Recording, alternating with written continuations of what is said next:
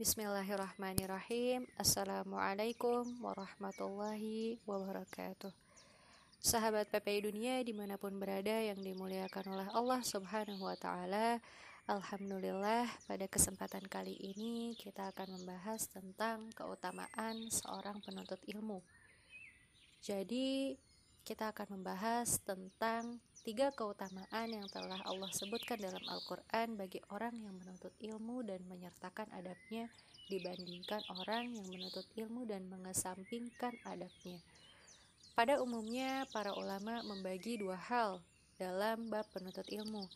Yang pertama dibuka dengan adab, kemudian dibuka dengan pencarian pengetahuan. Dalam Quran surat Al-Baqarah ayat 282 bahwasanya adab pertama kali dalam menuntut ilmu yaitu bagaimana muamalah ma Allah kita, bagaimana hubungan kita dengan Allah Subhanahu wa taala.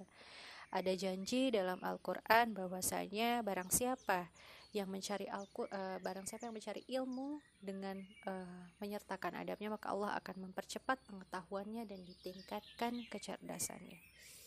Kita beri contoh bahwasanya para ulama-ulama kita terdahulu seperti Ibnu Sina, Al-Farabi, Al-Battani, Ibnu Rushdi. Beliau-beliau adalah eh, orang-orang uh, yang sangat tawaduk terhadap ilmunya. Bukan berarti beliau-beliau tidak mempelajari ilmu agama Islam, tapi beliau sudah ahli atau mungkin bisa kita sebut pakar dalam hal tersebut. Beliau-beliau juga bisa uh, hafal Al-Quran, beliau juga menguasai hadis, sunnah an-nabawiyah, tapi beliau juga masya Allah menguasai ilmu-ilmu umum seperti ilmu kimia, ilmu filosofi, bahkan ilmu kedokteran uh, seperti yang kita kenal yaitu Ibnu Sina. Uh, mengapa demikian? Karena beliau-beliau sangat tawadu dan sangat uh, mengutamakan adabnya, mengutamakan akhlaknya terhadap ilmu. Jadi orang tua orang tua beliau terdahulu, ulama-ulama kita terdahulu, ketika mengajarkan ilmu pertama kali yang ditekankan kepada beliau-beliau adalah adab kepada Allah Subhanahu wa taala. Wattaqullah wa yu'allimukumullah. Bertakwalah kepada Allah, maka Allah akan memberikan pengetahuannya kepada hambanya yang bertakwa. Seperti itu, itulah poin pertama yang kita sebut dalam keutamaan orang yang menuntut ilmu beserta adabnya. Oke, poin kedua, barang siapa yang menuntut ilmu dengan adabnya, maka dia akan cenderung mudah mengamalkan apa yang dipelajarinya. Mohon maaf, seperti yang kita ketahui, bahwasanya di antara kita eh, sangat familiar kita mengetahui apa itu keutamaan dalam sholat tahajud. Kita tahu persis apa itu keistimewaan dalam tahajud. Kita tahu persis juga apa pahala yang kita dapat dalam dua rakaat sebelum subuh. Kita mengetahui apa itu pahala yang Allah berikan barang siapa orang yang istiqomah dalam menjalankan sholat duha. Tapi apa yang kita lakukan? Astagfirullah, astagfirullah, kita masih lalai terhadap hal-hal tersebut. Kita beri contoh uh, ketika itu pada zaman sahabat Rasulullah mengumpulkan para sahabat seperti yang kita kenal Abu Bakar As-Siddiq yaitu sahabat yang paling dekat dengan Rasulullah kuburannya pun dekat dengan Rasulullah surganya pun terjamin ayat pun turun untuk memuliakan beliau Kemudian ketika Rasulullah bertanya kepada para sahabat mengenai ibadah apa saja yang sudah dilakukan para sahabat ketika hari itu, Masya Allah Abu Bakar As-Siddiq menjawab semua pertanyaan Rasulullah. Sholat jenazah, sholat sunnah, puasa, menyolatkan jenazah, menjadi imam sholat, Semuanya beliau lakukan. Nah, sekarang kita berkaca kepada diri, kita sendiri, siapakah kita? Kita adalah manusia biasa. Tidak ada ayat yang turun untuk memuliakan kita. Kita bukanlah sahabat, kita bukanlah orang yang hidup dengan sezaman dengan Nabi. Kita bukanlah orang yang dekat dengan Nabi.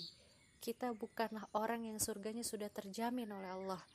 Tapi apa yang kita lakukan, kita masih lalai terhadap ibadah-ibadah yang menurut kita itu tidak ada maknanya. Uh, mungkin di sini kita bisa uh, berkaca lagi, kita bisa introspeksi lagi uh, bahwasanya uh, penting kita untuk uh, mempelajari ilmu dan menyertakan adab kita di dalamnya. Seperti itu.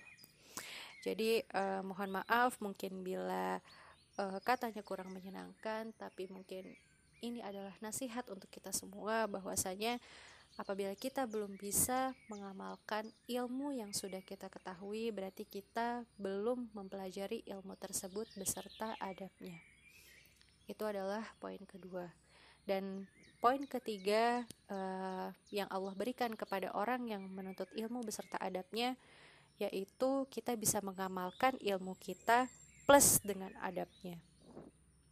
Kita bercontoh mungkin bahwasanya orang-orang kufar atau mungkin orang-orang yang masuk kepada agama Islam, kemudian mempelajari Islam, sholat, membaca Al-Quran, dan uh, apa ya dampak dari setelah mereka mempelajari Al-Quran, mempelajari Islam dan sholat, mereka jadi lembut hatinya. Yang tadinya mereka semua pemukul, jadi perangkul. Yang tadinya mereka pencela, jadi pecinta. Maka turunlah ayat yang memuliakan mereka uh, dalam Quran surat 59 ayat 9 sampai 10 wa yuthiruna ala anfusihim walau kana bihim jadi uh, Allah memberikan keutamaan uh, rohama umbainahum yaitu saling memberikan kebaikan dan saling memberikan manfaat. Allah memberikan kasih sayang dan cinta uh, yang tertanam kepada mereka yang ingin mengenal agama Allah Subhanahu wa taala.